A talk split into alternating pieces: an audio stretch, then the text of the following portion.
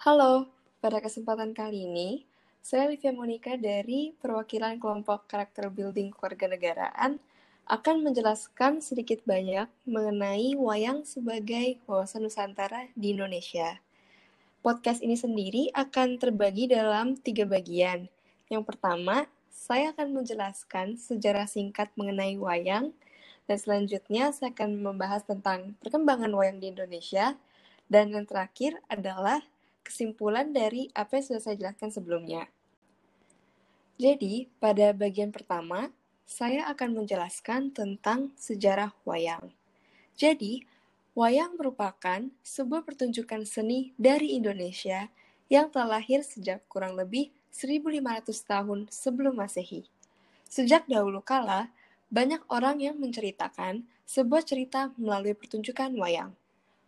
Wayang sendiri lahir dari nenek moyang suku Jawa. Wayang juga sering kali dikaitkan dengan cerita Ramayana dan Mahabharata. Bagian selanjutnya, saya akan menjelaskan tentang perkembangan wayang di Indonesia.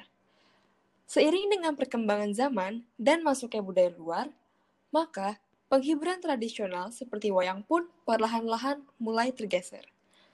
Namun, Bukan berarti masyarakat Indonesia melupakan wayang itu sendiri. Wayang merupakan wawasan budaya yang harus terus dilestarikan karena itu merupakan salah satu identitas bangsa Indonesia. Dengan hal tersebut, banyak masyarakat yang masih tergerak hatinya untuk terus melestarikan dengan masih mengedukasi generasi muda tentang wayang. Hal itu dapat dilihat dari masih adanya pagelaran wayang seperti Wayang Orang Barata yang memiliki gedung tersendiri dan mengadakan pertunjukan setiap minggunya secara rutin.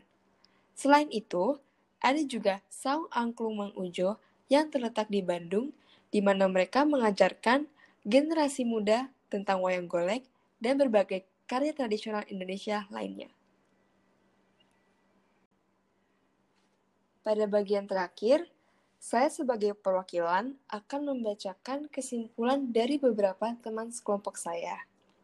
Yang pertama, ada anggota kelompok saya menyimpulkan bahwa wayang di Indonesia merupakan peninggalan yang sudah ada sejak sebelum Masehi dan wayang sendiri peninggalan dari nenek moyang kita dari suku Jawa.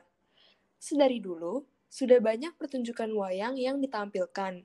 Tetapi, dikarenakan zaman sudah semakin modern, wayang pun lama-lama mulai terlupakan oleh masyarakat Indonesia. Untuk itu, kita perlu melestarikan wayang di Indonesia. Selanjutnya, ada lagi kesimpulan dari anggota kelompok yang lain yang berbunyi sebagai berikut. Sebagai warga bangsa Indonesia, saya cukup sedih dengan lunturnya budaya wayang dan pertunjukan seni wayang. Sebaiknya, pertunjukan wayang lebih diperbanyak lagi karena kebudayaan wayang merupakan salah satu aset berharga yang wajib dilestarikan, sehingga budaya wayang tidak makin luntur ke depannya. Selanjutnya, ada juga yang menyimpulkan, menurut saya sebagai warga negara Indonesia yang baik, kita harus bisa menjaga nilai seni dan budaya yang sudah ditinggalkan nenek moyang kita. Kita harus sering mempelajari wayang agar paling tidak kita mengetahui asal-usul dan perkembangan wayang di Indonesia. Dengan mempelajarinya, kita juga berarti turut berpartisipasi dalam menjaga kelestarian wayang di Indonesia.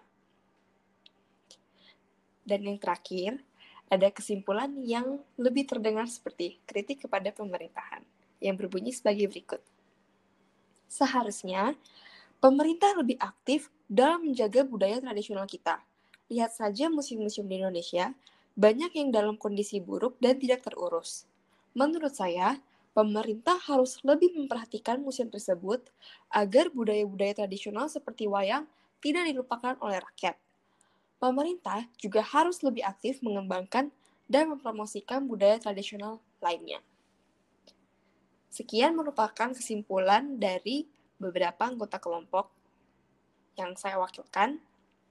Sekian podcast pada kesempatan kali ini dan sampai jumpa di podcast berikutnya. Terima kasih.